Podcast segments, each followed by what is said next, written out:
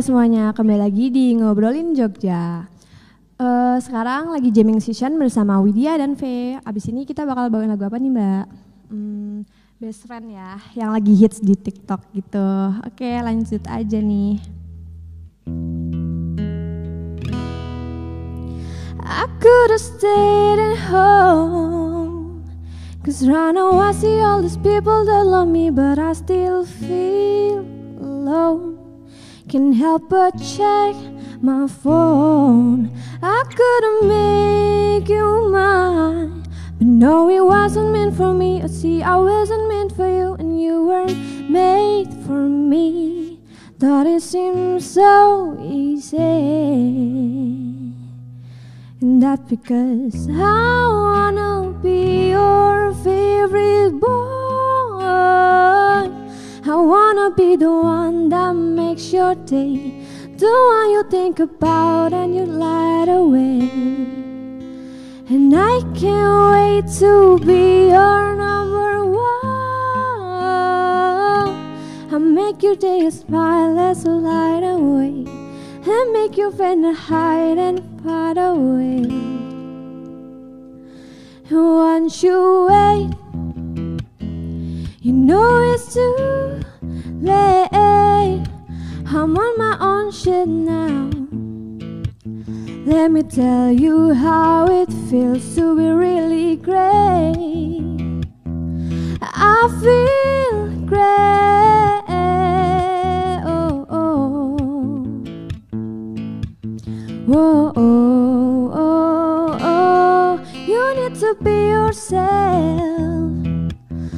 Someone for loving you instead of someone really gonna make your heart melt.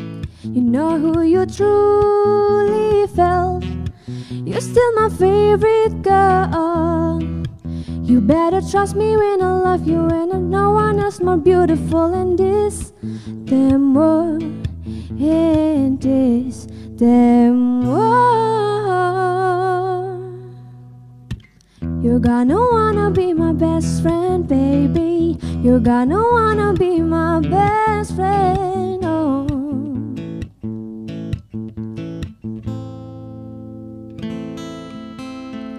You're gonna wanna be my best friend, baby. You're gonna wanna be my best friend. Oh, best friend,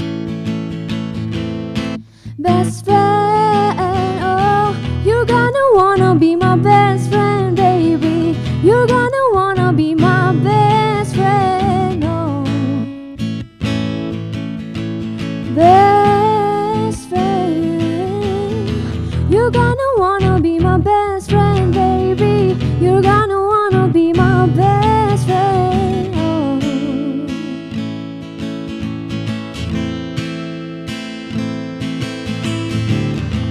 That I'm happy.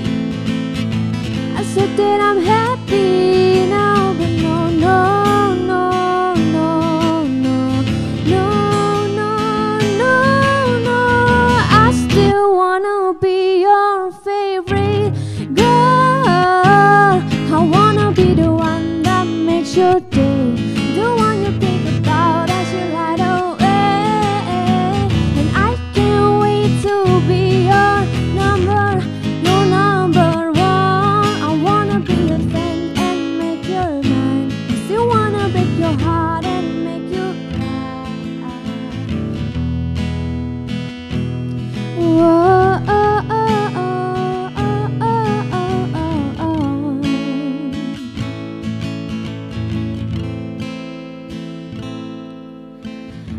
still wanna be your favorite boy. I wanna be the one. I might just be the one. Ooh.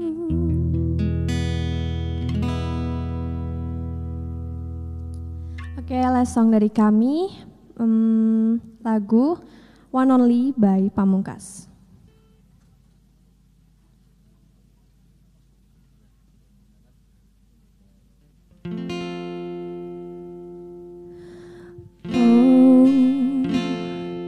There you are, sitting still, I drive so lonely, hiding, wishing, waiting. Well, I'm here I am, standing still, I drive so lonely,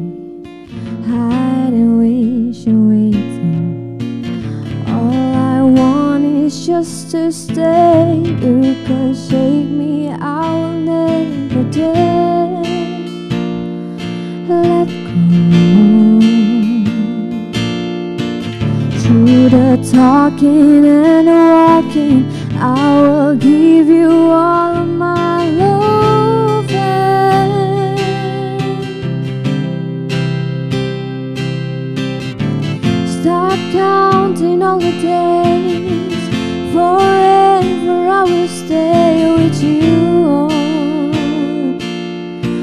you only you. Go far the back. Come back and out to me. To me and only me. Ooh. I'm in love. What did I do to you? You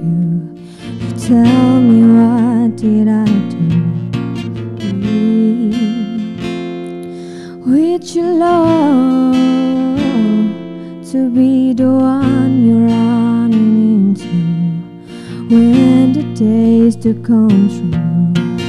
All I want is just to stay. You could shake me out the day. Let go. Do the talking and the walking. I will give you all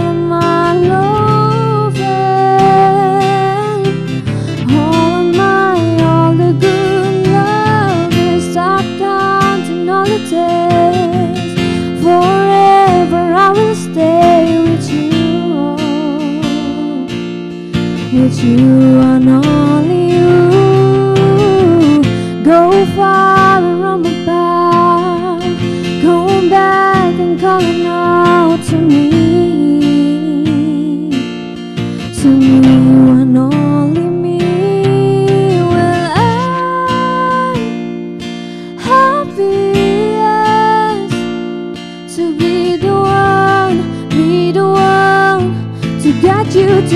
to get you, to get you now.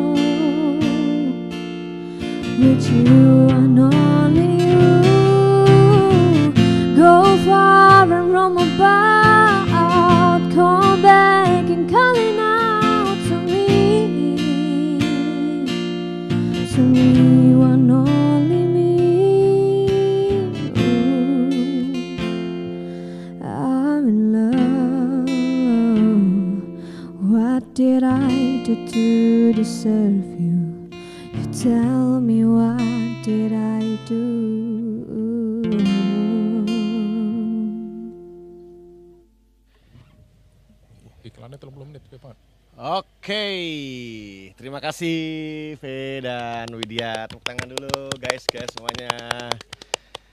Itu tadi V dan Widya ya yang sudah membawakan tiga lagu menemani kita di sore yang alhamdulillah cerah ini. Eh, Soalnya kemarin sempat sudah ngeset hujan. Oh. Pindah lokasi akhirnya yang sebelumnya. Nanti ini setelah selesai, setelah selesai. Amin, amin, amin. Ya kita kembali lagi di ngobrolin Jogja episode ketiga. Itu sebuah ruang bincang dengan bentuk podcast live yang akan membahas perihal adaptasi kebiasaan baru di daerah istimewa Yogyakarta. Nah, Yogyakarta adalah istimewa dan salah satu yang istimewa dari Yogyakarta adalah solidaritas dari warganya ya. Hal itu terbukti dengan adanya beberapa kali bencana yang menimpa Jogja, kayak gempa Bantul, terus Merapi, dan kini pandemi. Warga melalui perangkat pemerintahannya atau warga-warganya seperti desa itu bersinergi bahu-membahu mencegah penyebaran mata rantai COVID-19 di daerahnya masing-masing. Yang akhirnya itu muncul lockdown-lockdown daerah kayak gitulah. Nah hal tersebut juga seperti yang diinginkan pemerintah sebenarnya sinergi itu ya yaitu memban- membangun desa-desa tangguh COVID-19. Nah, bagaimana perkembangan desa-desa tangguh COVID-19 tersebut dalam adaptasi kebiasaan baru DIY? Sore kali ini saya Arga Moja di sudah ditemani dengan narasumber yang hadir di sini yaitu ada Bapak Dr. Andes Biwara Yuswantara, MSI. Tepuk tangan. Kepala Pelaksana BPBD DIY dan Sekretariat Gugus Tugas Penanganan COVID-19 di DIY ya. Dan bintang tamu yang pertama sudah mungkin sudah sudah sering didengar lah, sudah dilihat di acara-acara sebelum pandemi tentunya ya. Ada Mas Gundi Aditya. Oke. Pemuda kampung setempat ya. ini. Pemuda kampung Iya, setempat. Pemuda kampung setempat ceritanya. PKS, Pak, ya. PKS ya, kampung. PKS. ya. Mungkin pertama saya tanya kabar dulu nih. Bagaimana Pak Pak Bi panggilannya ya, mungkin Pak Bi aja ya panggilnya. ya. Pak Bi nggak apa ya Pak ya? Boleh. Pak Bi kabarnya dan kesibukan sekarang lagi ngapain Pak Bi? Ya tentu masih pada tugas-tugas untuk mengawal penanganan COVID di DIY ya. Nggih. Ya dari sisi BPBD baik dari sisi program, dari sisi jawaban dan sebagainya karena semua muaranya di BPBD. Akhir-akhir ini semakin sibuk apa semakin Nah. slow ini Pak? Ya sebenarnya kalau kita bilang sibuk mungkin yang lebih sibuk adalah di bidang kesehatan ya. Gugus tugas bidang kesehatan. Karena kemarin sempat eh, melonjak walaupun itu juga efek dari swab itu ya. Iya. Swab yang masif artinya kalau ketika swab masif kan berarti jajaran kesehatan sibuk nih. Sibuk, Lakukan kegiatan di mana-mana. ya, Pak, ya? Ya, nakes-nakes itu dan dan sebagainya lah. Kita di sekretariat tentu mem- memfasilitasi itu, mensupport itu supaya bisa jalan. Siap. Fasilitasi tersebut itu fasilitasnya apa aja Pak? Seperti apa? Bisa diceritakan? Ya macam-macam ya. Jadi kebutuhan untuk penanganan itu ada dari sisi sarana prasarana, Sarana dari sisi obat, dari sisi SDM, dari sisi eh, shelter, rumah sakit dan sebagainya yang itu semua kan memerlukan eh, dukungan ya. Artinya eh, untuk untuk obat-obatan yang itu nggak perlu pengadaan. Untuk swab kita sekitar 10 hari yang lalu mengirim tim ke Jakarta untuk mengambil komponen-komponen PCR 22 ribuan itu ke BNPB misalnya. Itu kan eh, BNPB BPBD kita ngambil ke sana. Kemudian untuk kebutuhan penanganan eh, misalnya penjemputan pasien atau penjemputan jenazah dan pemakaman. itu kan rangkaiannya panjang nih. Ada harus ada APD, harus ada desinfektan, harus ada mobil ambulan. Nah, semuanya kan perlu didukung itu. Berarti ya nggak cuma nggak simpel ya Pak ya, nggak simpel. Ya, ya banyak Banyak sekali rentetannya komponen-komponen banyak. ya. heeh. Iya. Itu tadi eh, akhirnya di Yogyakarta diadakan swab yang diperbanyak lagi Mm-mm. gitu. Dasarnya apa itu Pak? Apa karena memang anjuran pusat apa bagaimana? Ya, tentu supaya kita bisa mem- melihat memotret fenomena yang sesungguhnya, Iya. itu kan perlu dilakukan swab secara masif tadi ya. Hmm. Artinya semakin banyak swab dilakukan kan kita semakin tahu gambaran real Iya. di masyarakat itu seperti apa sih iya. sebenarnya kasusnya itu loh. Betul. Yang bagus kan kemudian ketika swab kita massal, tetapi ditemukan yang positif hanya sedikit. Nah, itu artinya ber- berarti kan tingkat penyebaran kita eh, sedikit di, Sedikit, di- iya. itu kan pembuktiannya harus itu. Iya, oke. Kalau tidak kan kita nggak tahu nih virus itu kan nggak kelihatan nih. Nggak kelihatan Pak. Mungkin mas-masnya juga ada virusnya. Bisa jadi, makanya saya jaga jarak sama Mas Gundi nih. Iya, Saya harus virus yang salah lain, gitu. Virus yang ini saya. Saya virusnya yang seleng Pak. Berarti ya eh, akhirnya ditemukan meningkat tadi itu Pak ya. Iya, iya. Oke. Nah, kita dengan topiknya Pak, Desa Tangguh Covid, Pak.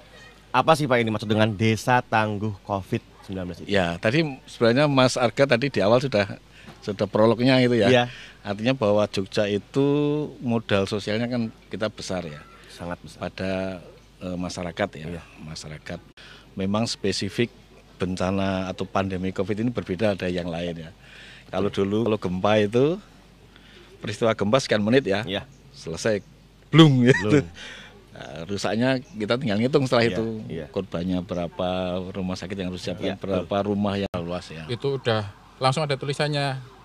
Warga nggak usah ke mana-mana, kita Hmm. jaga kesehatan bersama-sama kayak gitu. Terus juga mas kan ada beberapa semacam kos-kosan kalau di kampung saya. Hmm. Terus juga sudah ada tulisan di situ anak kos nggak usah keluar-keluar dulu Iya. gitu. Dan itu ditaati. Hmm. Ditaati. Iya ditaati. Oke. Kemudian sinergi antar warganya gimana Mas? Apakah langsung me- membuat gugus tugas di tempat saya gitu Pak soalnya Pak, langsung di komplek perumahan itu langsung dibuat Satgas. eh, ketua penanganan Oh. gugus tugasnya siapa. Jadi satu komando lah intinya Iya, kayak iya, gitu. iya. Nah, di tempat Mas Gudi apakah ada kayak gitu juga? Tempat saya karena kemungkinan saya paham kalau mobilitasnya itu nggak terlalu tinggi Heeh. di tempat Hmm. kami itu. Jadi ya tidak ada hal yang dilakukan kayak itu nggak ada. Oh, enggak ada. Tapi ya? ada pencegahan masing-masing karena ya itu tadi KP wis melek mengalir Asal- aja gitu ya Oh, mengalir aja gitu. Asal sama-sama tahu, ya sama-sama ngerti. Iya, iya, iya. Terus ya kita antar warga sendiri mencegahnya itu. nggak ada terus acara bikin kumpul-kumpul apa Tapi unggun gitu nggak ada.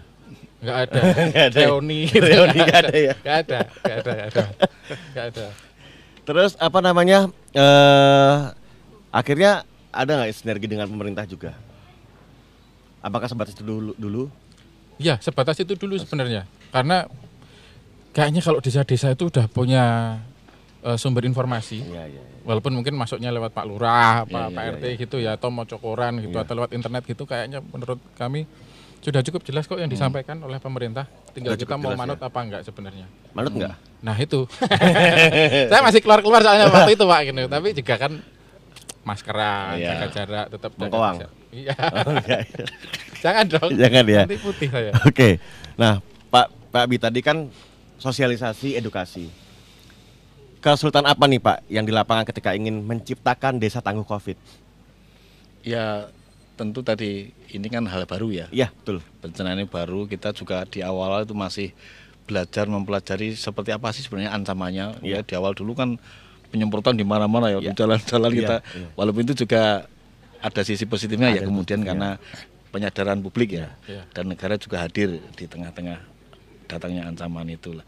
Itu kan eh, kita terus masih belajar ya, belajar itu termasuk juga tentu masyarakat juga sa- sama kita juga sama-sama belajar tentang itu Iya. Meraba ya, Pak, ya? ya meraba-raba sehingga kemudian ekspresinya tadi di desa-desa ada yang sedikit ketat ada yang ketat sekali ada yang sama sekali ditutup ya toh Ya. ada yang kemudian organisasinya dibuat Iya. di depan pintu masuk kampung itu kemudian justru dibuat apa Posko-posko gitu ya, eh, posko. ke- apa namanya Portal. Ah, portal Disinfektan. ya, portal dan ini apa semacam rumah-rumahan itu apa namanya kayak gasibu gitu Ah, posko-posko gitu Pak ya. ya. ada juga saya dapat cerita itu tiap tengah malam warga di situ bergiliran ngirim makanan itu ya tengah Oh, malam gitu. mikir apa ngirim makanan bergantian. Bergantian. karena memang ada yang pikir di situ ini ekspresi-ekspresi yang di satu sisi memang kita kemudian bisa melihat bahwa masyarakat care dengan itu Ya, Nah, ekspresi seperti apa ini kan kemudian Ya. sama-sama kita belajar ya kemudian melalui tadi mekanisme informasi melalui perangkat desa dan sebagainya pelan dan pelan-pelan kan kemudian kita oh seperti ini loh Iya. eh, virusnya oh seperti ini kemudian penyemprotannya Ya. eh, seperti ini kemudian yang harus kita lakukan isolasi pendataan siapa yang datang dari luar dan sebagainya nah ini sama-sama kita sebenarnya belajar dengan termasuk kami juga Iya. juga belajar dalam menyusun strategi atau programnya itu juga juga belajar sangat dinamis ya Pak Iya, ya. sangat dinamis. Perubahan tiap hari ya Pak ya. Iya. Tiap hari ada perubahan, tiap hari Iya. ada perubahan begitu Pak ya. Wah, emang Nah, ini BPBD mengeluarkan e-book nih Pak ya. Saya Hmm. tadi akhirnya membuka-buka dan ada e-book itu buku panduan tangguh Covid. Sudah seefektif apa hasil dari e-book tersebut? Ya, kalau kita kemudian men- menanyakan efektif dan tidaknya, antara lain mungkin bisa kita lihat indikatornya di DIY kan tidak terjadi peristi- peristiwa-peristiwa yang ekstrim ya terkait Iya, dengan iya, ini. iya. Artinya tidak ada yang kemudian orang merebut peti Iya, iya, iya, atau kemudian menolak pemakaman dan sebagainya ya. Ekstrimnya itu cuma Atau- jadi sepi pak. Nah, Nah, itu ekstrim Jogja itu sepi ya betul. sepi, betul. Seharusnya memang seperti itu. Iya, iya. Ya.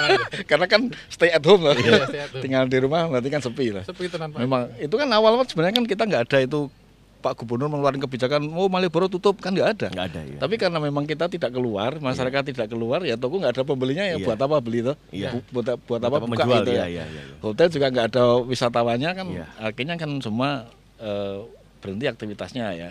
Eh, Itu itu ya. Sebelum puasa itu ya sempat puasa. Jogja. Iya, iya. Puasa awal-awal juga Dulu kan Jogja.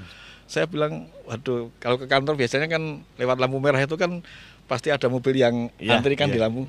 Pada saat itu nggak ada nih, wah ini lampu merah kosong nih, nggak ada yang antri. Alhamdulillah saja. Dimatiin aja pak itu boros listrik. loh. Enaknya, enaknya ada covid ini lancar ya semua Lancar, jalan. Pak. Jadi lancar banget. Malam-malam, siang-siang, sore-sore yang biasanya jalannya penuh gitu, Oh ya, lancar semua. lancar semua. Ring road terus cuma nggak nggak nggak dua kali ya. Sekarang lihat tiga kali baru bisa lewat. Kalau Iya. dulu cuma sekali doang langsung. Sekali doang langsung ya. Itu malah jadi apa namanya yang bikin apa namanya itu underpass underpass gitu malah nggak usah pakai underpass kayaknya nggak apa-apa. Iya iya akhirnya akhirnya ya. Akhirnya gitu loh. Kalau ada covid terus. Kalau ada covid terus, ya jangan, Jangan, pak. Makanya, tetap, berarti tetap perlu kan? Tetap perlu pak, tetap perlu pak. Perlu pak. Nah kalau dari kita kembali ke desa tadi pak ya. Sebenarnya apa ya sih Pak masalah-masalah dari warga desa yang dikeluhkan ke pemerintah saat ini? Ah, ini sebenarnya kan intinya pada pengelolaan bagaimana desa itu mampu mengelola terhadap kasus-kasus COVID yang ada di sana. Kasus COVID kan macam-macam ya. Mungkin di tau- di desa itu temukan ada yang positif atau ada yang ODP. Seperti apa sih perlakuannya? Ya. Nah, Ada yang kemudian dikucilkan kan, ada yang kemudian Stigma-stigma di itu ya? stigma stigma itu ah itu yang kemudian kita lakukan jangan jangan justru kita memberikan stigma maka Ya. tapi justru itu perlu kita oh kalau perlu isolasi malah kita bantu dong Iya, iya. dia isolasi Iya, kita bantu untuk logistiknya Iya. makanannya dan sebagainya kemudian tadi penyemprotan itu sebenarnya yang yang efektif seperti apa ya. kemudian bagaimana sih pelaporannya kalau ada di sini ada orang gejala-gejala sesek panas Iya. dan sebagainya Harus lapor bagaimana nih ke mana langkah-langkahnya? Nah, itu kan ada berarti di situ ada perlu ada sistem komunikasinya perlu ada operasionalnya bagaimana kemudian penyemprotannya Iya. bagaimana mengirim yang sakit tadi bagaimana kalau ada pemakaman masuk ke desa itu Nah, ada komunikasi ada logistiknya yang diperlukan ke mana sih cari desinfektan waktu awal-awal dulu Iya. di BBBD itu sampai antrinya sampai jalan tuh orang, orang antri desinfektan itu sampai jalan waduh ini malah jadi kerumunan ini Iya, iya, iya. akhirnya kita itu belajar dari itu makanya kita tadi learning by doing itu Iya, iya. Dinamis meng- Pak, ya? mengalami seperti itu kemudian kita distribusikan ini ke kabupaten-kabupaten ke ti- ini desa-desa ke desa tangguh bencana yang sudah dibentuk di sana di Bekasi itu silakan dibagi supaya tidak semua ke BBD itu Iya, iya, iya. Itu proses-proses yang kita lakukan Sinergi juga Pak ya karena pemerintah kita juga ya kita belajar ini baru nih kita baru Iya. mendapatkan ini terus eh, warga juga sama-sama belajar jadinya bagaimana dan terlihat banget emang sih tahapannya tuh dinamis banget Iya, dari mulai kayak gini dicoba ini nggak berhasil dicoba cara yang lain lagi seperti itu yang pemerintah lakukan juga. Nah, Mas Gundi, kondisi di desa Anda saat ini bagaimana? Biasa aja. Alhamdulillah pak. Kayak kita bersyukur banget tuh itu biasa-biasa aja. Nggak ada yang terjangkit ya? Ya, jangan ada Nggak, maksudnya nggak ada. masih Nggak ada, berarti nggak masih hijau ya? Masih, hijau, ya? masih hijau. Dan tetap hijau ya? Eh, masih berjalan untuk apa namanya? Kehidupan ekonominya masih jalan gitu. Normal gitu. Masih normal. Paling yang nggak ada yang kumpul-kumpul. Mhm. Kayak ibadah gitu Oh, iya, iya. ada terus kumpulan RT gitu juga arisan ada. arisan gitu juga. reuni reuni Alisan Tupperware nggak ada? Ah, iya. Alisan Tupperware nggak ada? dasa wisma itu nggak Desa ada Wisma dibubarkan oh dibubarkan ya lo kok dibubarkan atau nggak dibubarkan divakumkan oh dulu. divakumkan Iya, jadi nggak ada kayak gitu. Tapi semuanya masih berjalan normal. Berarti masih ya, tapi masih waspada. Waspada. Tapi normal dalam protokol itu tetepan. Nah, Tetap iya. Dalam koridor protokol itu. Tetap Pak, Oh ya. ya, syukurlah ya. Masih kalau pagi apa pada berjemur di luar gitu masih ada. DD ya, DD. DD gitu masih ada. Cuman ini kan kayaknya teman-teman anak kos ini yang nggak ada Pak. Kayak kan berharap siapa tahu ada kos putri yang pada berjemur di depan. gitu. ini nggak ada. Berarti kita harus merekomendasikan ya Apa Pak? mahasiswa kos putih masuk duluan gitu ya. Iya. Ke Jogja gitu ya. Kos putra nanti nggak apa-apa. Yang kos putri yang laki-laki nanti aja. Iya. Belakangan itu. Desanya di mana? Saya main. Keturan Mas. nah, berkaitan dengan kebiasaan-kebiasaan baru nih Mas Gundi nih. Iya. Kebiasaan baru apa yang terjadi di desa Mas Gundi nih? Menjaga kebersihan sing jelas. Ya, lebih menjaga kebersihan orang-orang. Semakin menjaga kebersihan. Cuci tangan. Depan-depan rumah itu ada ember-ember itu enggak? Di ada Pak. Enggak ada. nggak ada karena malah Pakai keramik. ada desinfektan kecil-kecil pak di pagar itu Pak. Oh iya. enggak pak tapi akhirnya di depan gang itu kita ada apa namanya ada sink itu apa tempat buat cuci tangan gitu Hmm. pak terus ada apa namanya sabun cuci tangannya gitu di depan setiap yang mau masuk ke Iya. kampung baik itu naik motor naik roda empat naik ojol dan sebagainya turun dulu cuci tangan Harus dulu. cuci tangan. iya Sama cuci ya. tangan dulu gitu Itu ada yang ngawasi enggak itu? ada ada Ada, oh, ada. yang ngawasi jadi memang separuh tutup itu loh pak Hmm. gitu bahkan kemarin ada yang ekstrim tuh habis cuci tangan Mandi. cuci kaki bubuk Ini bubuk di situ kan Enggak, itu oh, semuanya harus cuci tangan dulu. Itu membiasakan ceritanya kalau di tempat kami. Oh gitu. Tapi paling bagus lagi Pak kayaknya kalau tanpa diawasi sudah Ya, Kesadaran berarti diri kesadaran itu. Iya. itu tujuan akhirnya kan kesadaran itu Kesadaran, sebenarnya. iya, Apa pun iya, yang iya. dilakukan kan itu Iya, semua. iya, iya. Siap. Nah, Sebenarnya nih Mas Gudi, apa sih yang dibutuhkan dari warga atau desa itu terhadap dari pemerintah? Sementara ini selama ini sepertinya Selain kalau- sumbangan gitu ya. Selain sumbangan beras dan lain-lain. Iya, ngomong gitu tapi kan kita era enak masuk ngemis. Enggak, kalau yang itu sih kayak semoga sih kita masih bisa bergerak secara mandiri ya. Mm. Informasi sebenarnya Pak, Hmm. informasi itu yang eh, terbuka, jelas, terus Sudah pernah buka corona sudah, dot juga Prof? sudah. Oh sudah. Saya sering memantau dulu di awal-awal itu seminggu itu pasti aku memantau Pak, ngelihat jarak radius 3 kilo. Oh, iya, Itu iya, iya, itu ya, sama, ada iya. yang berapa kena Iya. dan sebagainya gitu. Paling cuman itu aja sih Pak. Ya ya. Kalau harapan-harapannya sih Wong yo harusnya itu sinergis itu loh Pak Ya. antara pemerintah yo Hmm. ngandani himbauan terus mungkin apa namanya dolani mungkin gitu tapi ya WFH nih Pak kok dolani itu piye ya Ya. Bisa kan Pak itu ya? Yang dolani jaga jarak tetap Pak. tetap jaga jarak ya Dan nggak usah rombongan itu loh. Oh iya karena sidak jalan-jalan gitu dan sebagainya gitu Siap-siap loh, kamu ntar pakai masker, ntar disidak sama Pak Bintar, kamu malah nggak pakai masker loh Mas. saya kan belum cerita desa saya di mana Oh, iya, Makanya saya nggak mau cerita nanti disamperin Samperin tiba-tiba Iya. lagi. saya tak nyamperin rumah bapak aja bapak rumahnya mana pak saya tak ke sana Ada lah. Oh iya, mau cerita juga. Rahasia. Adanya alamat email sekarang. ya. Iya. Berarti tadi itu ya, maksudnya perhatian mungkin dari pemerintah juga ya, perhatian dari pemerintah. Terus. Tapi eh, kemarin juga ada kasus menarik juga loh Nah, gimana nih Pak? di daerah kota gede ya kalau nggak salah. Pol PP sama Brimob kan patroli kan. Ada yang nggak pakai masker, diingatkan dia, marah dia, Wah. mukul Pol PP sama Brimobnya. Ada gitu pak. Ada sih Kak. Tapi nggak tahu kemudian kemarin dibawa ke Polsek Pakualaman eh, apa seperti apa kemudian selanjutnya saya belum. Mukul. Iya, mukul. Oh, kota Parah dia nggak. Harusnya kalau kayak gitu berarti nggak usah dihimbau pak. Diyasin ke aja pak. Atau di viruskan saja. Nah, kan, Son- Sontek virus ya. ngajil, enak kali. Wah, kalau itu ngajil. Gimana Pak Bi tadi eh, membutuhkan informasi dari pemerintah dan dan dan dan eh, apa eh, perhatian lah. Tanggapan apa gimana? Ya, kalau bicara informasi sebenarnya tadi melalui media online sudah kita berikan. Saya kira di eh, media luar ruang juga banyak, di media cetak, koran juga setiap hari. Saya itu setiap hari diteleponi wartawan. ya, artinya informasi itu wah, mungkin informasi yang teranu seperti panduan-panduan ini yang kita poster-poster saya kira juga.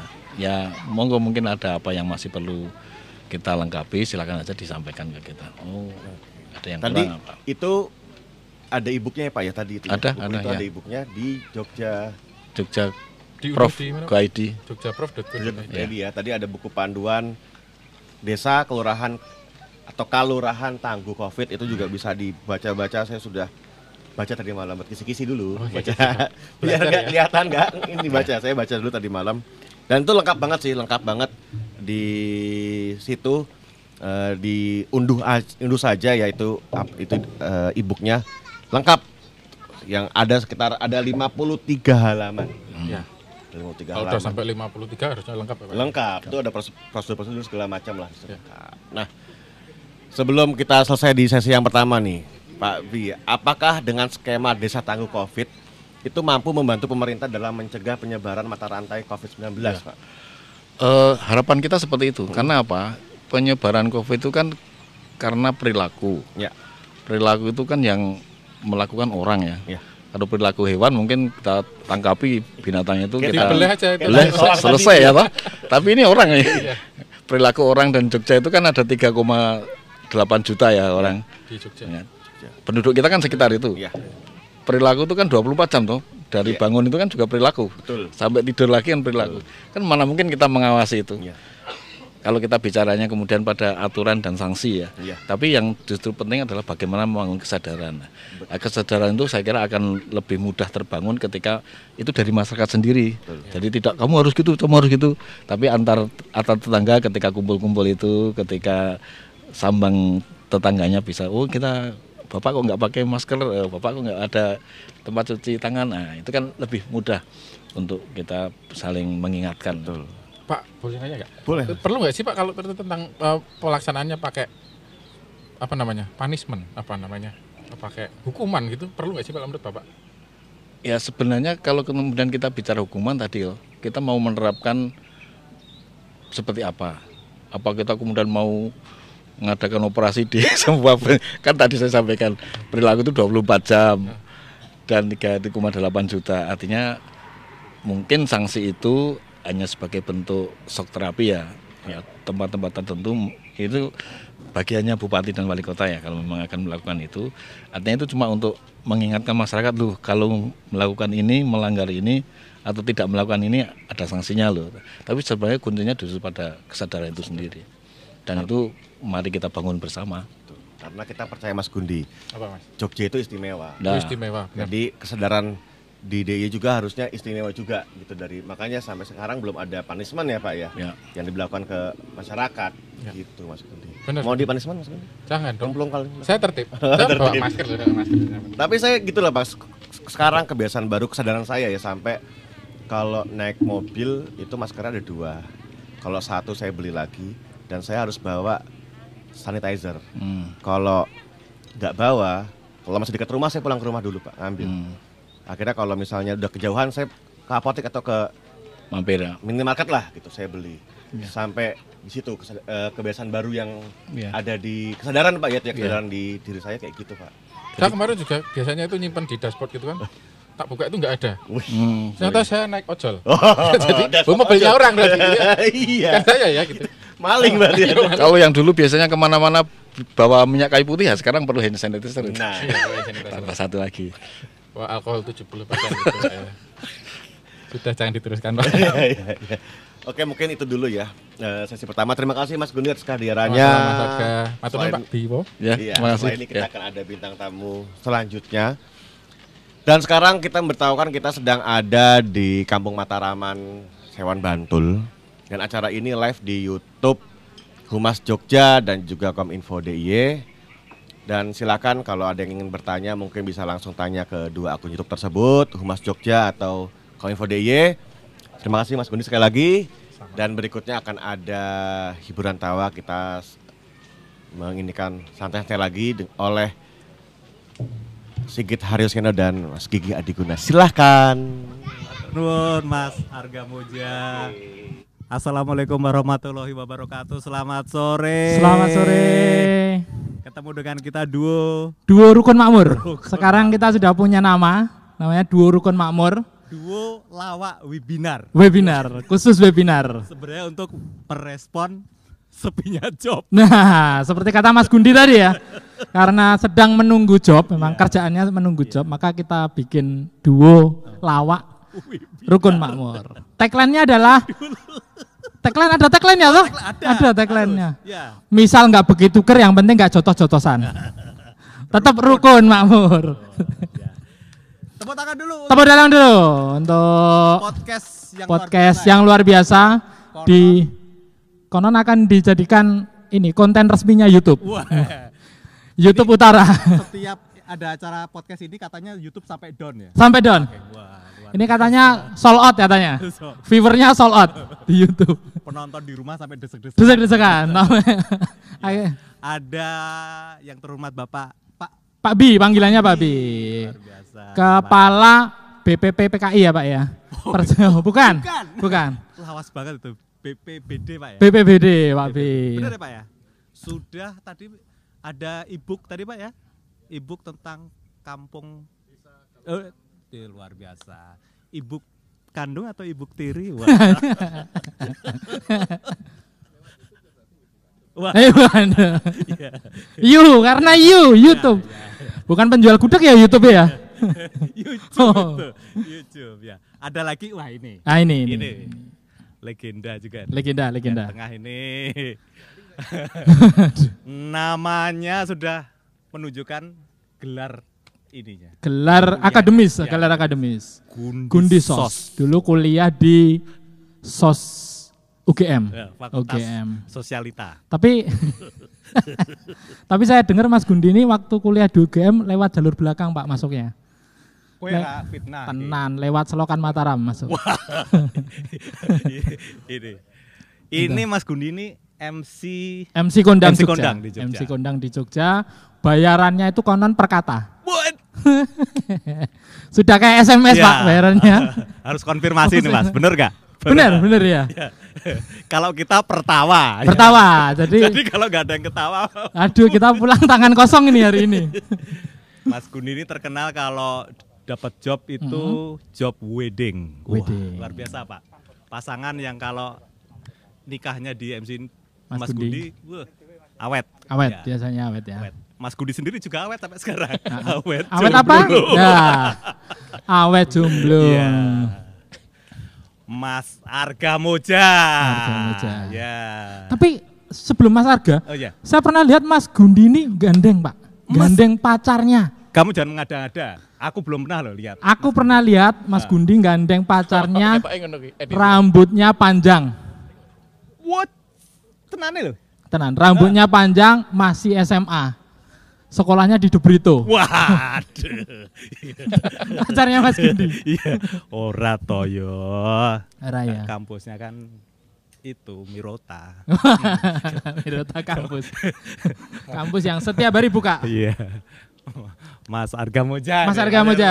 Ya, luar Mas biasa Arga Moja, ini. luar biasa. Orang yang hidupnya memang didedikasikan untuk membuat konten. Wah, iya. Sampai nikahnya kemarin juga orang lain nikah bayar konten dia, nikah bayar konten. Ya.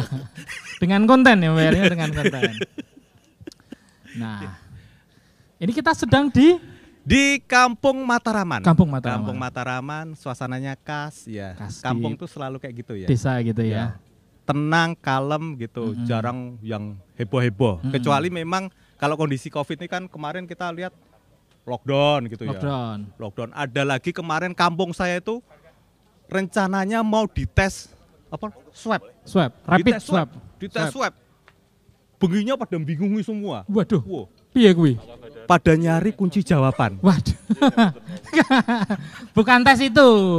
Tapi kalau tes itu sebenarnya saya punya bocorannya loh. Ada, ada ya, ada ya. Ada bocorannya Iya, iya, tes, tes, swab. tes swab tuh Tes ada. swab ada. ada. Wah, sampai bingung makanya saya tenangkan. Uh, tes swab tuh santai aja. Yang datang gitu. Ikhlas. Tapi gitu. tangguh ya. Kampungnya Om Seno tangguh. Wow, tangguh. Tangguh. Sampai penduduk-penduduk kemarin kalau kondisi kriminalitas kan katanya agak rawan. Oh, alah agak rawan. agak ya? rawan. Di kampung saya kemarin agak rawan. Saya nemui kenyataannya juga. Malam-malam naik motor sendiri dipepet begal. Itu pas puncak-puncaknya pandemi kemarin. Puncak Pepet begal set. Saya santai aja. Saya tahu Nyantai?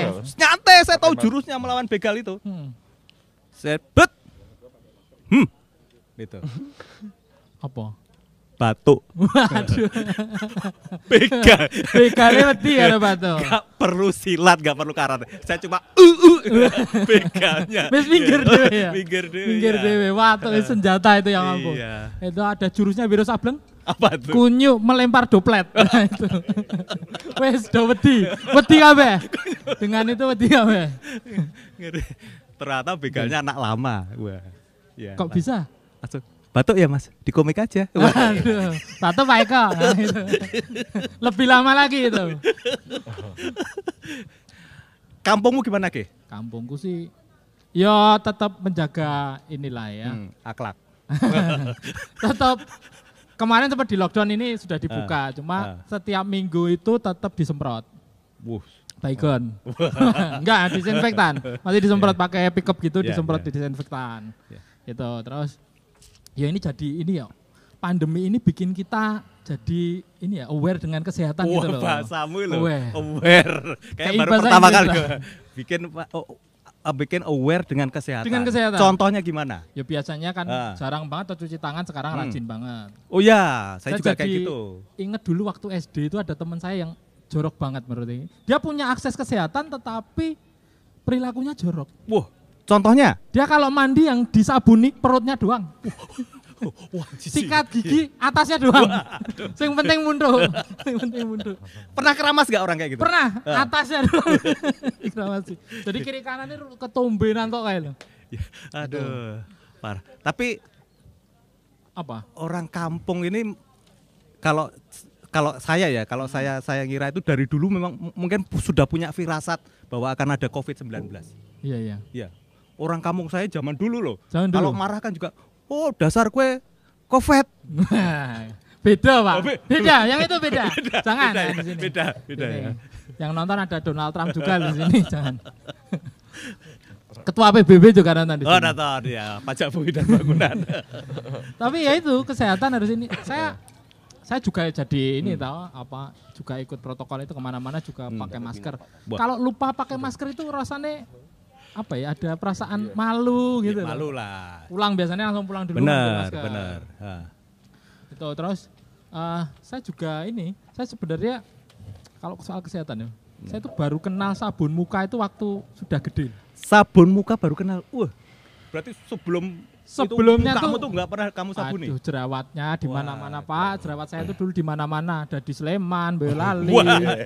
Sragen, Nyebar ya, Pak ya? nyebar di ya. mana-mana. Ya. Di itu ada mana? Sengon, Sengon, Sewon, Sewon. Sewon, Sewon. Ini kita di Sewon. Iya di Sewon ya. Jerawatnya ada di mana-mana ya. Kalau jangan sampai ya, kalau sekarang tuh kita yang paling penting adalah menjaga kesehatan. Ya. Betul. Jangan sampai misalnya kita sedikit sakit itu terus ke rumah sakit itu kan bahaya. Bahaya. Tempatnya Ada ya, yang mengalami ada, itu? Ada. Kemarin ada tetangga saya masuk rumah sakit, masuk ICU. Waduh, Wah, tapi berarti masuk Wah, iya. parah, parah. Iya, udah masuk ICU selama sehari itu nggak diapa-apain, cuma diliatin. Gitu. Loh kok iso? Nggak tahu, terus dia marah kan. Lu aku kok nggak diapa-apain? Terus kan ini ruang ICU. See you tomorrow. See you tomorrow. oh ya, ICU ya, ICU. Maka nggak diapa-apain. Iya nggak diapa-apain. Jadi harusnya langsung dimasukkan ke kamar mayat. Oh iya juga. nggak ada didoain, didoain sembuh. Doain, Ya. didoain aja Ya, berarti. Didoain, didoain aja. Sama ya dikasih pengertian untuk jaga protokol. Ya, betul, betul. COVID, ya. Jangan sampai apa namanya? Karena di rumah sakit sekarang kondisinya juga dokter itu kadang kurang loh. Kurang betul betul. Dokter kurang. Covid ini biasanya yang ngurus adalah dokter spesialis paru. Mm-mm. Ya. Rumah Karena sakit berhubungan dengan Iya, pernafasan, ya. pernafasan kan. Rumah sakit dekat rumah saya, dokter parunya habis. Akhirnya Oh. paksa mengerahkan dokter lain, spesialis yang lain. Apa itu? Usus, Wah, Remploati. ini dokter apa angkringan? Oke, kayaknya waktunya sudah habis. ya, waktunya Iya. sudah habis. Kita dua rukun makmur Dua pamit makmur. kembali lagi ke Mas Arga Moja. Iya. Lu kok ganti? Bukan Mas Gudi ini. Nah, ada kepala desa Panggung Harjo Oh, iya. sebagai bintang tamu. Oke. Tepuk tangan dulu buat dua rukun makmur, dua webinar ya. Tadi jurusnya batuk ya Mas ya kalau menghadapi begal ya tadi ya, Om ya. Oke, kita kembali lagi di ngobrolin Jogja episode kedua tentang eh, desa tangguh Covid ya. Kali ini bintang tamunya berganti. Mungkin kita langsung saja menyapa ada Bapak Wahyudi Anggoro Hadi ya Pak sebagai Kepala Desa atau Lurah Panggung Harjo Pak. Betul Pak. Apa kabar Pak? Kesibukannya apa nih Pak? Eh, kabar baik. Ya, kesibu- kesibukannya seperti ano eh, instansi pemerintahan yang lain Oke. agak sibuk, apalagi di Pangguharjo sampai dengan hari ini ada 15 positif COVID, 15 positif Covid. 9 sudah sembuh, masih ada enam warga desa yang dirawat di apa eh, rumah sakit, gitu. Jadi itu yang kemudian apa eh, aktivitas eh, pemerintahan penyelenggaraan pemerintahan lebih banyak diarahkan dalam rangka untuk penanggulangan Penanggulangan. dampak COVID baik secara klinis maupun non klinis gitu tentunya. Gitu. Gitu Pak ya berarti masih masih mengawasi tadi Mhm. itu ya Pak. Iya, iya. Nah, kita mundur dulu nih Pak Mm-mm. ke empat bulan yang lalu lah. Oke. Apa yang dilakukan pemerintah desa Panggung Harjo ketika pandemi itu menyerang Pak saat itu Pak? Iya. Ini hal baru kan nih Pak kan pandemi itu. Betul. Iya, Jadi eh, dua minggu setelah Presiden Jokowi itu mengumumkan kasus positif pertama di Indonesia, Iya. tepatnya 20 Maret kita kemudian membentuk satu gugus tugas di tingkat desa dalam rangka untuk me- apa, melakukan pencegahan, penanggulangan maupun penanganan terkait dengan wabah, COVID. Nah, Satgas itu, satuan tugas itu terdiri dari dua modul utama, yaitu modul lapor dan modul dukung. Jadi modul lapor itu kita dorong warga desa untuk melaporkan kondisi mereka, baik dari aspek kesehatan, aspek ekonomi maupun aspek sosial, yang kemudian dari sana kita lakukan apa analisis dampak terkait dengan dampak klinis, dampak ekonomi maupun dampak sosialnya. Eh, analisis dampak itu kita gunakan untuk melakukan kategorisasi resiko. Jadi kalau klinis kemudian kita punya setidaknya ada tiga kelompok, ada resiko tinggi, resiko sedang, resiko rendah. Yang apa pengka- pengkategorisasian resiko itu kemudian kita gunakan sebagai dasar interferensi. Jadi kalau kategori resiko tinggi secara klinis yang kita lakukan adalah melakukan asistensi klinis. Kalau resikonya sedang, kita lakukan monitoring klinis. Kalau resikonya rendah, edukasi klinis. Gitu. Pun demikian dengan aspek ekonomi. Jadi kita eh, melakukan apa pemetaan berdasarkan tujuh aspek. ya, dari mulai jenis pendapatan, jenis pekerjaan, terus kemudian besaran dan jenis pendapatan, kepemilikan dana cadangan, pola konsumsi, kepemilikan aset, ke- kepemilikan jaminan sosial maupun keberadaan kelompok rentan yang kemudian dari apa data yang disampaikan oleh warga desa itu kita lakukan kategorisasi. Ada yang sangat rentan ada yang eh, cukup rentan ada yang apa rentan dan eh, tidak rentan. Nah sama dengan dengan yang kita lakukan untuk melakukan interferensi terkait dengan pengurangan resiko klinis kita juga melakukan interferensi eh, dalam upaya untuk mengulangi dampak di aspek ekonominya gitu. Jadi sangat rentan dan rentan itu apa interferensinya yang cukup rentan dan tidak rentan seperti apa itu kemudian kita kita dorong untuk eh, melakukan interferensi berdasarkan data tersebut gitu. Tapi yang jauh lebih penting saya kira yang dan itu yang kita lakukan pertama kali malah itu adalah mitigasi dampak sosial. Mitigasi dampak sosial. Iya, Jadi karena memang ada banyak kegiatan-kegiatan warga desa yang dalam situasi normal itu tidak butuh tata pengaturan. Oh gitu. Jadi penyelenggaraan ke- keagamaan itu kan tidak pernah tidak pernah ada aturan Iya, karena memang iya, sudah iya. menjadi habit Iya, kan. iya, iya. Gitu. Jadi menerima tamu gitu itu tidak ada tata aturannya. Terkait dengan pemakaman juga sudah sudah karena sudah menjadi habit akhirnya tidak ya sudah menjadi keumuman gitu. Tapi dalam situasi pandemi semuanya itu berubah. Yang kemudian kita dorong satgas di tingkat padukuhan untuk kemudian membuat peranata sosial baru Peranata sosial baru. tata tata aturan baru yang mengatur terkait dengan berbagai macam aktivitas sosial yang dalam masa pandemi ini tidak bisa dijalankan sebagaimana mestinya. Itu yang kemudian ternyata menyelamatkan nah, desa kita dari potensi konflik.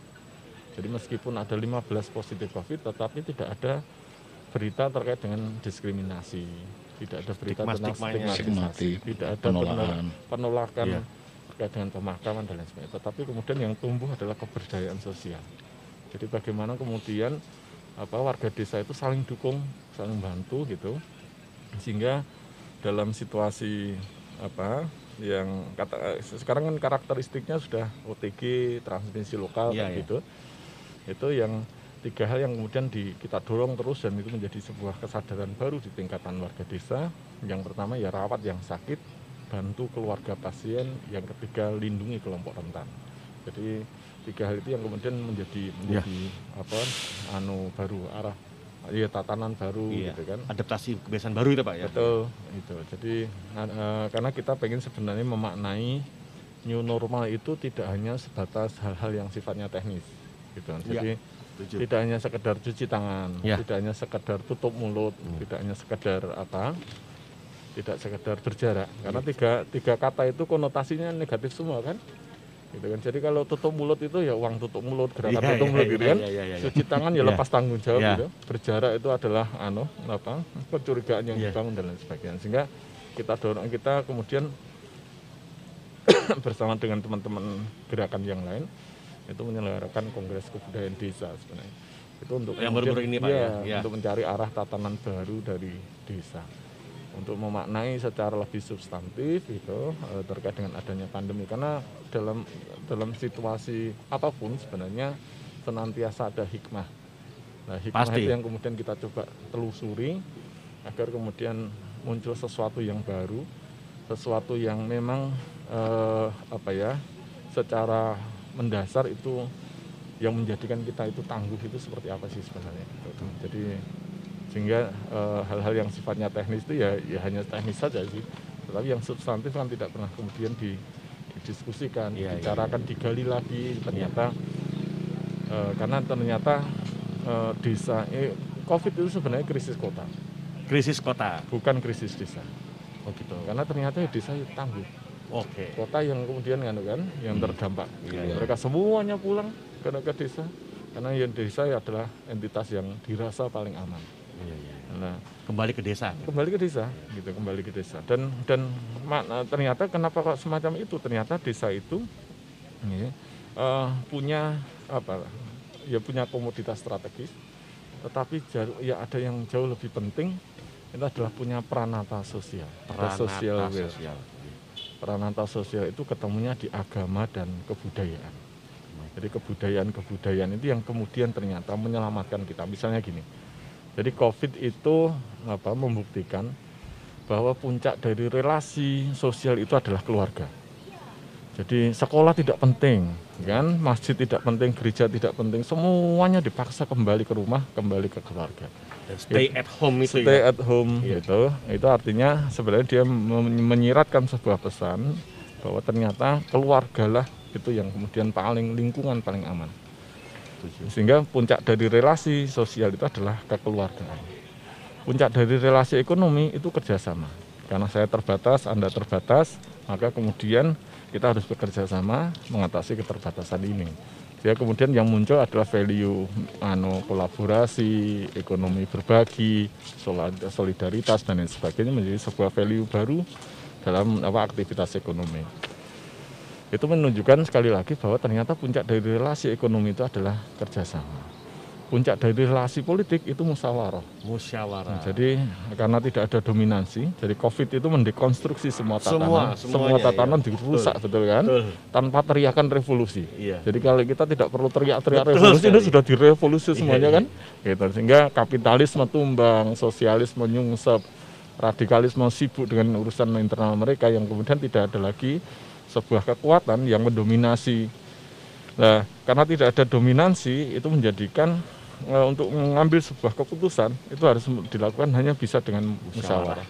Nah, kekeluargaan dalam relasi sosial, kerjasama dalam relasi ekonomi, musyawarah dalam relasi politik itu adalah makna operatif dari gotong royong. Jadi gotong royong itu ya kalau di, secara sosial kita ber, anu kekancan, sambatan, tulung tinulung. Secara ekonomi juga nganu apa kerjasama. Secara politik ya musyawarah itu makna lah itu berasa, berangkat dari alam pikiran desa, alam pikiran Nusantara. Loh, sesuatu yang tangguh semacam ini kok tidak kemudian dijadikan panduan untuk menyusun tatanan baru kan Iya, iya. kan aneh gitu kan Nah, itu sehingga kemudian kita coba maknai situasi ini secara lebih substantif gitu. kira-kira gitu Wow, cukup ini. pikiran saya nih, Pak Billy. Gimana Pak tanggapannya tadi Pak Bi? Kita dapat pencerahan yang Iya, pencerahan. sangat Lebih cerah lagi luar biasa nih. Oh, ya. Jadi apa di balik COVID itu ya? Iya, nggak salah saya ngefans dengan Menarik sekali Pak ya. ini, betul. Lo musyawarah, ngefans sama Pak Biro musyawarah kerjasama, Iya. kemudian keluarga, yang selama ini mungkin kita terlalu asik di luar ya. Sekarang kita harus melihat kembali ke dalam Betul.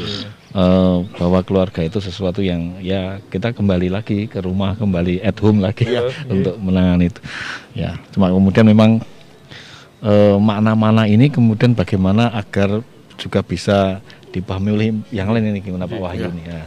Artinya eh, tidak tidak sia-sia atau tidak peristiwa ini pandemi ini kemudian eh, berjalan itu tidak kita biarkan eh, kita tidak perlu apa-apa. Iya. kan tadi ini kan terkait dengan peradaban tuh tadi yang disampaikan. nah itu mungkin saya kira yang kemudian ini yang bergerak memang mesti komunitas mesti peralatan-peralatan sosial masyarakat itu yang untuk eh, menyampaikan itu. Jadi tidak sekedar cuci tangan tidak sekedar tutup mulut. jaga jarak Tadi itu. ya Ji.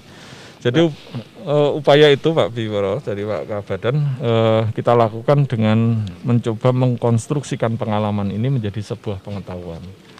Jadi agar kemudian kebudayaan itu bisa kita lakukan apa lebih implementatif gitu bisa kita lakukan kemudian itu kita baca dari 20 aspek Hmm. dari aspek ekonomi, pendidikan, kebu- terus kemudian agama, kebudayaan itu sendiri, kewargaan, data kerasi, keluarga, pemberdayaan perempuan dan lain sebagainya. Ada 20 tema. Yang itu kemudian kita kita apa kita diskusikan selama 17 hari dalam serial webinar. Itu melibatkan lebih dari 130-an narasumber. Dan eh, tidak hanya itu juga ada riset, ada macam-macam yang nanti insya Allah tanggal 15 eh, Agustus ini kita apa kita deklarasikan sebagai visi Indonesia baru ke depan. Jadi ini harapannya kemudian ya menjadi panduan bagi desa-desa yang lain untuk melakukan eh, menyusun dokumen perencanaan pun sehingga harapannya semua desa kemudian bergerak pada satu arah yang sama mewujudkan tata tatanan Indonesia baru yang berangkat dari desa. Dan kita ngaten niku. Jadi ini kira tuh ngimpi sebenarnya, tapi ini harus dilakukan. Harus ya. Bahwa Harus mumpung- diawali mumpung dari kosong ngoten niku kan. Situasinya kosong, betul nanti penguasaan. Nah, Pak Bi, bagaimana Pak memonitoring ratusan desa di Jogja yang saya pernah baca sekitar 400-an yang tanggap tangguh Covid ya itu ya. Itu bagaimana memotir memonitoringnya bagaimana Pak? Ya tentu eh, secara berjenjang ya. Ya. Jadi memang kemarin kita beberapa hari itu kita undang satgas desa, satgas keluar, satgas kecamatan, perwakilan di BPBD untuk kita bersama-sama bagaimana membangun sistem ini supaya kemudian eh, masyarakat di tingkat desa sebagai tadi ya. Saya kira sekarang itu garda terdepannya adalah justru di tingkat desa Iya. yang langsung berhubungan dengan masyarakat untuk memahami apa yang kemudian eh, harus dilakukan. Ya. Kita mensupport dari sisi sistem, dari sisi apa eh, bagaimana Fasilitas kemudian tadi ya, panduan-panduannya dan itu yang bergerak masyarakat sendiri nanti. Gitu. Oke. Ya bagaimana me- me- membangkitkan kesadaran diri tadi itu Pak Iya, ya. iya. Dan Itu dimonitoring juga sama pemerintah kan ya. Iya, gitu. iya, tentu. ya. Tadi dari sektor perekonomian Pak, itu saat ini desa-desa bagaimana Pak? Secara mungkin datanya atau analisanya sektor perekonomian desa? Ya memang kalau saya belum tahu ya di desa yang lain, tapi ada beberapa desa yang saya lihat, saya amati itu bahkan kalau desa itu kayaknya aktivitasnya ya seperti biasa. Pagi ya ke sawah, musim panen dia panen. Iya. Eh, saatnya mencangkul ya mencangkul ya artinya eh, karena memang yang terdampak besar terkait dengan covid itu kan orang tidak boleh bertemu dan itu kan jasa ya Iya. jasa wisata jasa hotel jasa perbelanjaan dan sebagainya karena semua itu mereka suksesnya kan akan diukur dari seberapa banyak orang yang datang Betul sekali. itu karaoke ya wow, kita hotel juga indikator yang kita pakai kan mesti tingkat hunian hotel ya. okupansi. padahal itu yang sekarang tidak bisa kita lakukan. Tidak bisa ya. tidak bisa kita lakukan. Nah, sehingga dampak yang terbesar yang betul dari dari kota ya ya. Eh, jasa pendidikan jasa eh, lain-lain itu tadi. Kalau di desa ya eh, relatif berjalan seperti biasa. Bahkan sekarang memang kembali ke desa itu jadi menggali potensi-potensi masyarakat potensi-potensi desa yang dulu kita tidak tahu tapi sekarang menjadi terkenal viral ini wah ini ada apa eh, objek-objek baru yang kemudian diserbu oleh para goweser-goweser untuk mengungsi ke sana. Iya. Muncul klaster baru. nah itu yang kemudian kita khawatirkan. Nah, kembali ke Pak Wahyudi nih, Pak. Di desa itu mungkin identiknya dengan baby boomers, Pak ya. Hmm. Orang-orang tuanya gitu Iya, yang iya, mungkin iya. saklek saya bilang di sini. Sementara ini pandemi ini membutuhkan sesuatu yang dinamis, yang luas. Kita harus menga- mengadaptasi kebiasaan baru. Iya. Bagaimana, Pak? Edukasi yang tepat yang dilakukan oleh Bapak Iya. untuk mengubah pola pikir Iya. mereka ini. Jadi hikmah lain dari adanya pandemi ini adalah meningkatnya literasi digital. Meningkat kualitas. Iya, jadi pemahaman digital Ya. terkait eh, warga desa eh, itu meningkat melonjak tajam setelah pasca pandemi. Mungkin sebelum pandemi kita yang menggunakan HP hanya untuk WA sama eh, telepon, tetapi saat ini kemudian bisa digunakan untuk nge-grab data, Iya. untuk menyampaikan pengaduan, laporan dan lain sebagainya. Bagaimana kemudian informasi data itu bisa di, dimanfaatkan eh, melalui gadget tadi. Itu yang kemudian eh, apa hal itu yang kemudian kita manfaatkan. di Panggung Harjo semuanya semua pendataan berbasis digital. Yang yang awal-awal mesti mesti proses butuh, butuh proses adaptasi ya. Sehingga kemudian kita dorong yang yang tidak yang mampu ya harus membantu yang tidak mampu. Kalau misalnya eh, tetangganya tidak mampu ya tetangga terdekatlah yang kemudian atau saudara terdekat yang harus membantu untuk kemudian melaporkan kondisi kesehatan kesehatan mereka, kondisi ekonomi mereka dan lain sebagainya. Itu yang yang yang eh, dan pada akhirnya juga terbiasa. Jadi memang hanya hanya butuh pembiasaan.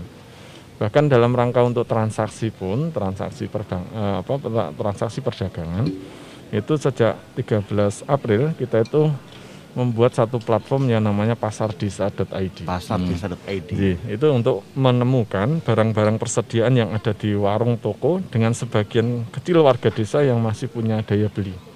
Jadi ini tinggal Pak Biworo gitu kan, PNS, Pamong dan lain sebagainya yang yang masih mempunyai cukup daya beli. Nah, ini kita cadangan ekonomi yang sudah tipis ini, ini kemudian seolah-olah kita paksa agar dia hanya membelanjakan uangnya itu kepada tetangga uh, yang warung atau uh, toko yang ada di sekitar mereka.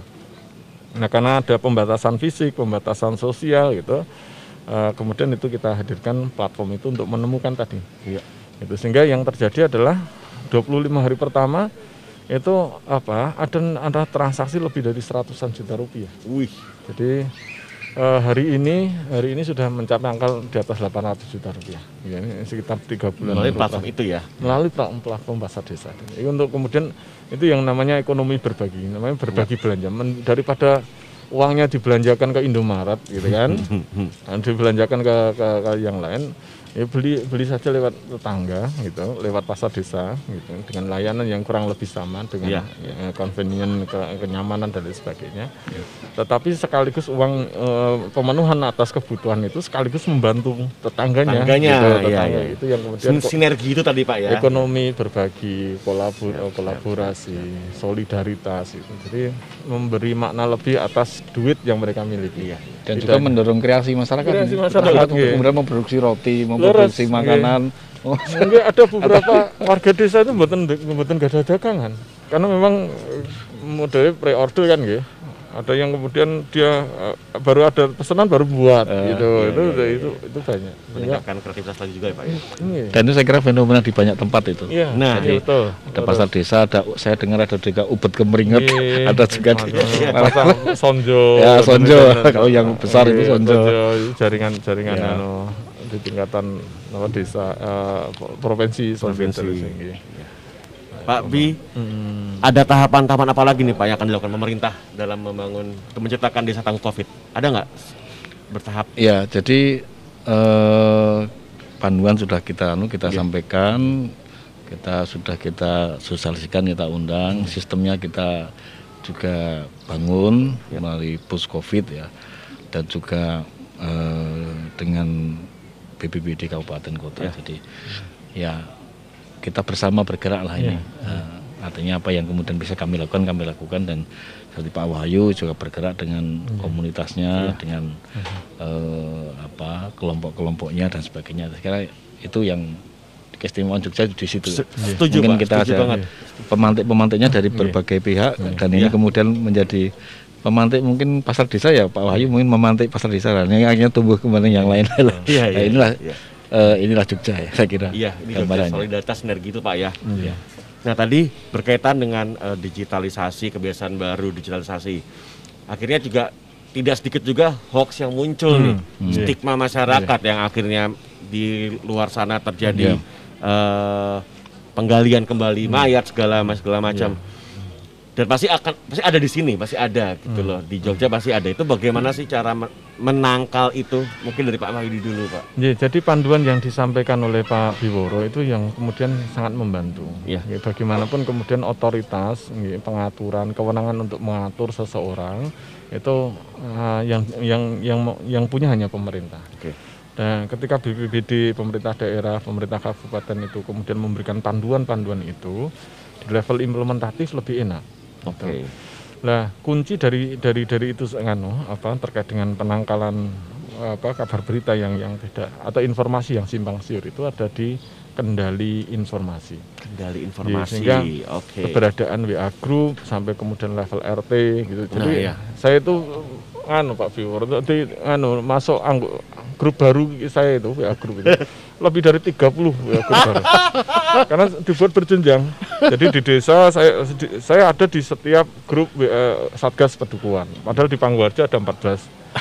Ada 119 RT gitu yang kemudian ya kemudian dalam rangka untuk mengendalikan informasi saya harus hadir di di semua grup itu karena terkait dengan informasi terkait dengan data dan lain sebagainya ketika itu kemudian mengarah kepada sesuatu yang tidak benar itu kita bisa langsung Ya. memberikan Ya. dan panduan-panduan yang berasal dari pemerintah daerah, pemerintah kabupaten itu sangat sangat penting. Karena ya bagaimanapun warga desa kalau tidak mau nurut pemerintah mau menurut Iya, siapa? iya, kan gitu kan? Lah ini sudah ada arahan dari Resmi loh ini. BPPD oh, enggak, kita tidak lagi tanggung jawab loh ya. Kayak gitulah gitu.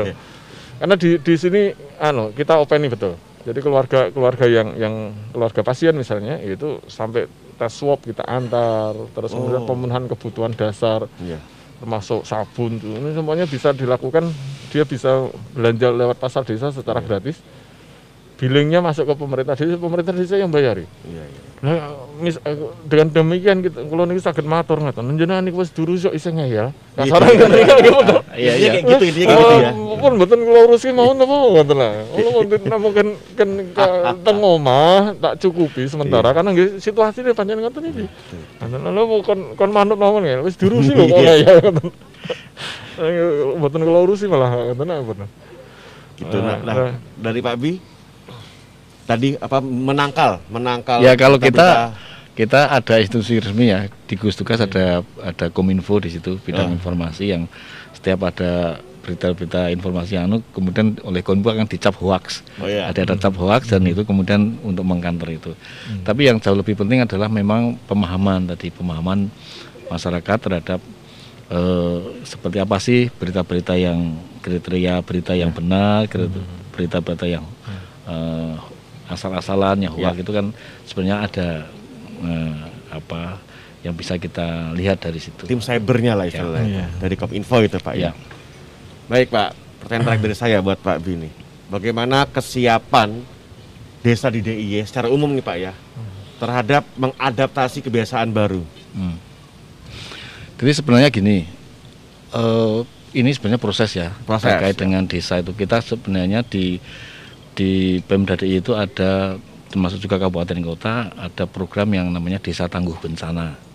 Ya. Kalau di kota ya Kaluran Tangguh Bencana itu awalnya prosesnya adalah sesuai dengan ancaman yang ada di desa itu masing-masing. Di desa di lereng Merapi ya tangguhnya tangguh terhadap ancaman erupsi Merapi. Ya.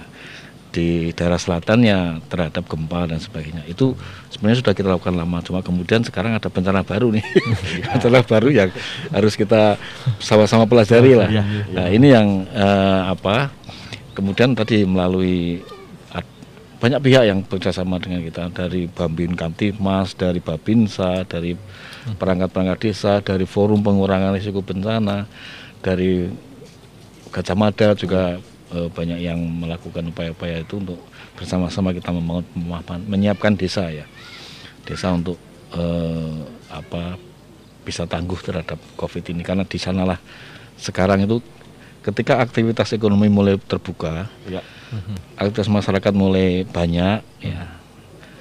maka ini harus diimbangi dengan pemahaman tentang penerapan protokol itu. Betul betul betul. pemahaman protokol itu ya tadi yang bisa melakukan bisa mengelola bisa mengawasi bisa ngilik itu ya Iya. di tingkat masyarakat karena Iya. pemerintah BPBD provinsi maupun kabupaten kan sangat terbatas ya. Kalau kita bisa bersama-sama itu ya itulah saya kira yang menjadi keistimewaan DIY Ya, berarti emang betul dengan tema kita hari ini sinergi ya Pak ya. Iya. Semua itu sinergi dari atas. Sebenarnya kalau di awal Bapak Gubernur itu sudah mengambil kebijakan yang sangat sangat bagus ya. Hmm. Stat- Statement awal beliau adalah bahwa dalam menangani COVID ini masyarakat sebagai subjek dari penanganan COVID. Artinya Subjeknya. subjek ya. Artinya ya memang karena penanganan itu akan tergantung pada perilaku masing-masing dan dari subjeknya tidak sendiri, sekedar Pak. kemudian you harus seperti ini kami seperti iya, iya. sanksinya ini sanksinya ini tapi membangun kesadaran itu yang Oke. menjadi kunci. Siap, terima kasih buat Bapak Yuworo dan Pak Wahyudi atas waktunya. Maaf singkat sekali nih Pak. Nggih. Tapi ini saya sudah cerah sekali Pak Gila, sore kali ini. Dan terima kasih juga kepada Kominfo DIY, Humas Jogja, eh, BPWD, Kampung Mataraman atas tempatnya yang bagus ini. Terus tadi ada Om Seno dan Mas Gigih Adiguna, hiburan tawanya, kru dan tim ngobrolin Jogja, pendukung acara, dan juga jangan lupa follow, like, comment, subscribe Kominfo DIY dan Humas Jogja, saya Arga Moja, pamit diri. Assalamualaikum warahmatullahi wabarakatuh. Waalaikumsalam warahmatullahi wabarakatuh. Silakan Fe dan Widya. Hai, kembali lagi jamming kita bakal bawain beberapa lagu sekaligus menutup podcast Ngobrolin Jogja part 3 pada hari ini. Oke, langsung aja. Cinta terbaik by Cassandra. Jujur saja ku tak mampu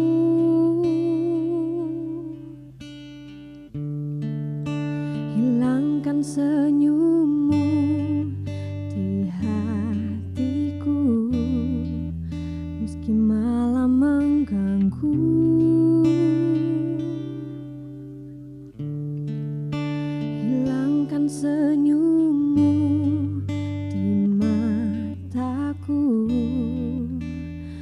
Ku sadari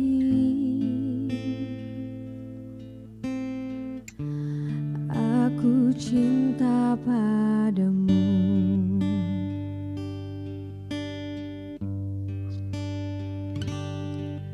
Meski ku bukan yang pertama di hatimu Tapi cintaku terbaik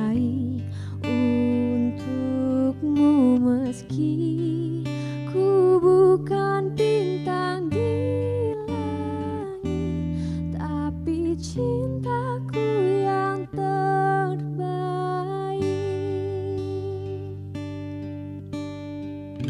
Jujur saja ku tak mampu